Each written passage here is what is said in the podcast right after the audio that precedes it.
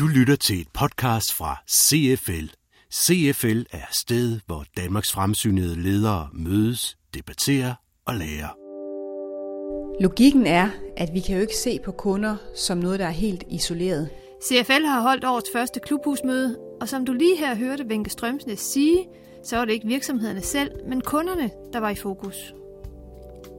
Velkommen til Lydnyt fra CFL, hvor du kan høre mere om, hvordan man bedre tænker kunderne proaktivt ind i sine forretningsmodeller.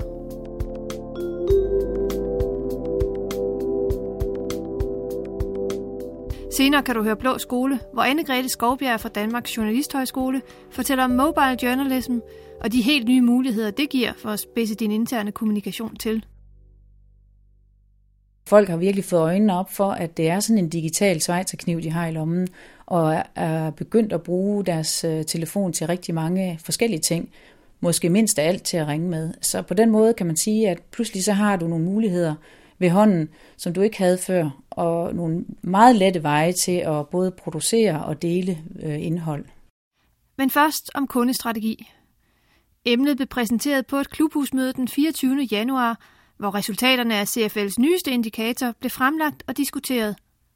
CFL's Forum for Værdiskabelse foreslog emnet for nogle måneder siden, og her kan du høre CFL's to direktører, Paul Blåbjerg og Venke Strømsnes, fortælle om, i hvilken retning de nye data peger, når det gælder kundestrategi. Det glædelige i den her indikator, det er, at det er faktisk kun 10 procent, der siger, at vores eneste formål er at tjene penge. Resten, de har altså til formål at tjene penge og samtidig opnå et andet purpose. Spørgsmålet er så, hvor gode er vi til at tænke det purpose, det formål ind i øh, vores kundestrategier. En tredjedel siger, det gør vi faktisk ikke. Vi har et klart formål, samtidig med, at vi skal tjene penge, men det er ikke rigtigt tænkt ind i vores øh, strategi. Og den risiko, der er i det, det er jo, at der bliver en dekobling mellem det formål, man har som organisation, og det, man faktisk leverer til kunderne. Det er måske øh, godt at minde om, at nu har vi haft krise i nogle år, og ledelserne har øvet sig meget kraftigt i faktisk at spare, reducere, få mere ud af de øh, ressourcer, der var, og de medarbejdere, der var og der er i virksomheden. Det vil sige, den mentale tilstand, man får skabt ved at tænke meget på reduktioner, besparelser, cashflow osv., der bringer man sig i en risiko for, at medarbejderne mister mening med at være i virksomheden, og dermed også mister den ansvarlighed og den lyst til at være sammen med kunderne og gå ud til kunderne og tale med kunderne i samme grad, som man gjorde, da det gik godt. Det er altså vigtigt, at kundestrategien ikke bliver en løsrevet idé, der kun cirkulerer i dele af virksomheden. Det gælder tværtimod om at knytte den tæt sammen med virksomhedens overordnede formål, eller purpose, hvis sådan en strategi skal have en mærkbar effekt. Det, man kan bruge klart purpose til, det er, at man kan skubbe kundebevidstheden helt ud i organisationen til de medarbejdere, som faktisk er i løbende kontakt med kunderne. Og det handler om, at man skaber en markedsdrevet kultur, hvor der er en opmærksomhed på kunderne hele vejen igennem. Og øh, det opsamling, vi kan få fra indikatorarbejdet og klubhusmødet den her gang, er egentlig ret enkelt. Måske skulle virksomheden snakke lidt mindre om sig selv og lidt mere om kunderne. For det er faktisk 60 procent, som siger, at vi udmyndter vores formål i måden, vi taler om os selv på internt, og kun 40 procent, der siger, at vi udmyndter vores formål i måden, vi taler om kunderne på i vores virksomhed. På klubhusmødet deltog ledere fra alle verdens hjørner. Virksomheden Apple var også inviteret, og de talte blandt andet om de strategiske fravalg, der kan være nødvendige for at skabe et helt klart og skarpt purpose for, hvilke kunder der skal fokuseres på og hvordan. Og så var der et tankevækkende oplæg om marketings rolle, som Paul Blåbjerg her fortæller om. Vi havde på klubhusmødet også besøg af øh, Hans Eibe Sørensen, forsker fra Syddansk Universitet, øh, han var blandt andet inde på marketingsfunktionens rolle i forhold til kundeorientering, og han øh, fremdrog en meget sammen, tydelig øh, konklusion. Det er, jo større marketingafdeling, jo mindre kundeorienteret, kundefokuseret, kundedrevet af virksomheden, fordi det er ofte ens betydende med, at øh, den øh, drift, den øh, kundeorientering, den ikke ligger i tilstrækkelig grad hos, hos, øh, hos medarbejderne i virksomheden. Du lytter til et podcast fra CFL. Noget alle var enige om på klubhusmødet, både de mange gæster og indlægsholderne, det var, at vi bliver nødt til at kigge på os selv udefra og ind, i stedet for indefra og ud. Som Apple sagde, stil dig i kundernes sko og kig på, hvad det faktisk er, du øh, leverer. Her viser vores øh, indikator jo det interessante, at faktisk kun en femtedel involverer kunderne i deres strategiarbejde, til trods for, at det faktisk er relativt let at designe strategiprocesser, som involverer kunderne.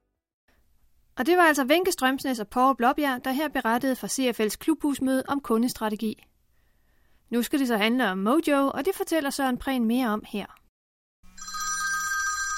Så er der telefon, men spørgsmålet er, om vi har tid til at tage den. Hmm.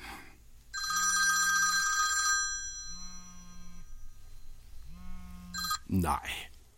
Faktum er, at vi bruger vores smartphone til alt muligt andet end lige at tale i. Spørgsmålet er, om du bruger din smartphone smart nok. I dette podcast ser vi på, hvordan du kan bruge smartphone som vidensdeler. Anne-Grethe Skovbjerg er fagmedarbejder på Update, der er en del af Danmarks Medie- og Journalisthøjskole, og hun er specialist i brug af smartphone.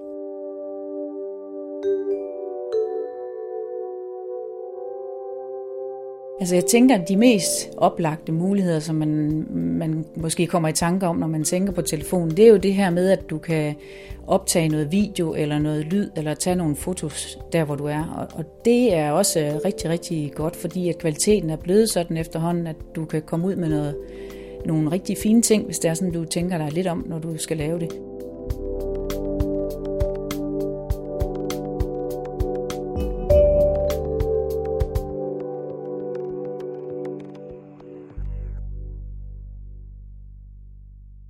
Udover det er der selvfølgelig en række andre muligheder for vidensdele. Men hvis vi prøver at starte med at, at kigge lidt på øh, at optage lyd.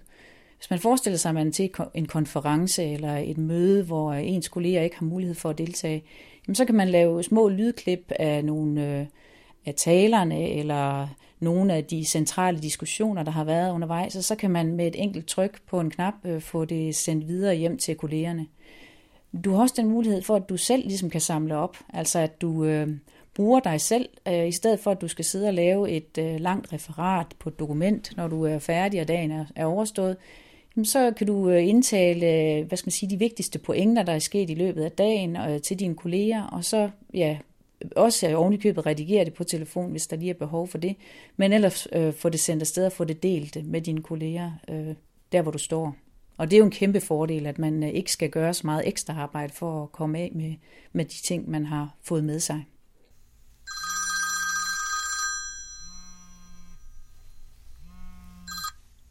Så du nævnte også øh, video. Mm. Ja, fordi forestiller man sig, at man har en, øh, en keynote speaker til øh, ja, ved en konference eller lignende, hvor man godt kunne tænke sig, at øh, lige præcis det minut, hvor vedkommende siger noget rigtig, rigtig interessant, som kunne have interesse for resten af organisationen. Hvis man har det på video, så tit så virker det rigtig godt øh, over for dem, der skal kigge på, fordi de måske kender personen også, og, og kender den autoritet, som personen har så har man den mulighed og vel at mærke sørge for at trække vedkommende lidt til side, så man ikke får en masse baggrundsstøj.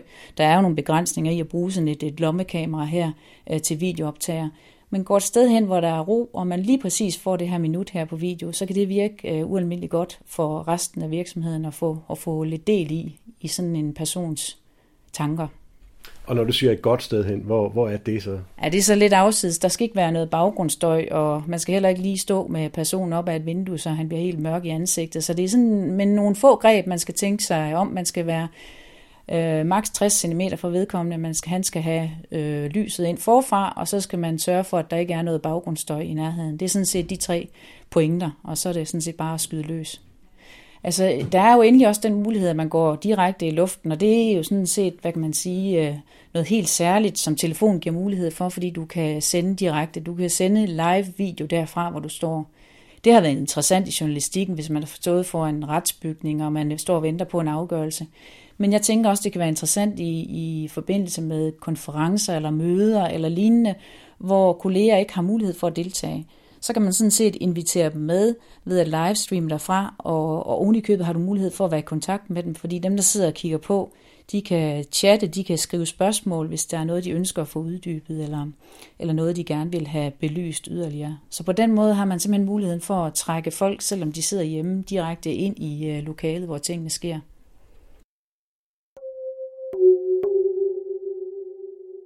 Du lytter til et podcast fra CFL. Nu har vi en papir foran os her, men papir har det også med at blive væk. Mm. Så er der også noget, vi kan bruge smartphone til der? Ja, altså det er sådan lidt en anden ting end det her med at optage video og lyd og, og tage billeder. Det er, at du rent faktisk har et fantastisk øh, lille lommekontor med din smartphone. Øh, for eksempel hvis man har papirer, som man, man ved, man altid får lagt fra sig og glemt undervejs, men man vil egentlig rigtig gerne gemme øh, det indhold, der er på dem, så er der nogle applikationer, som kan bruges som øh, dokumentscanner, hvor du faktisk kan scanne direkte med telefonen, lave det om til et pdf-dokument, og så kan du øh, gemme det enten i din Dropbox eller sende det i en mail til, øh, til dem, der måtte have interesse i det samme dokument. Så, øh, så det er sådan en helt anden mulighed for at arkivere øh, med telefonen.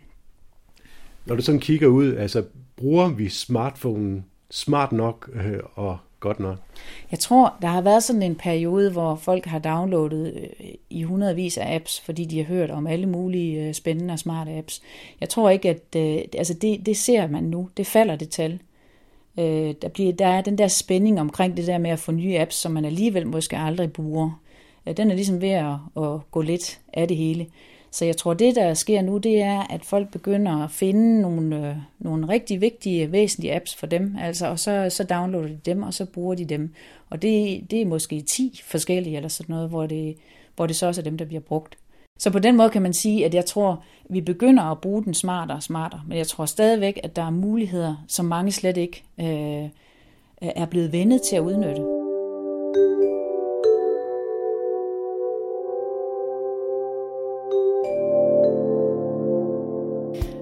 Lukker ned for denne gang.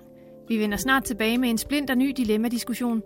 Hvis du i mellemtiden har lyst til at høre mere om CFL's nye indikator for kundestrategi og de data, der ligger bag, kan du læse mere på CFL's hjemmeside cfl.dk. Dine to værter var Søren Prehn og Mette Reinhardt Jacobsen. Tak for nu.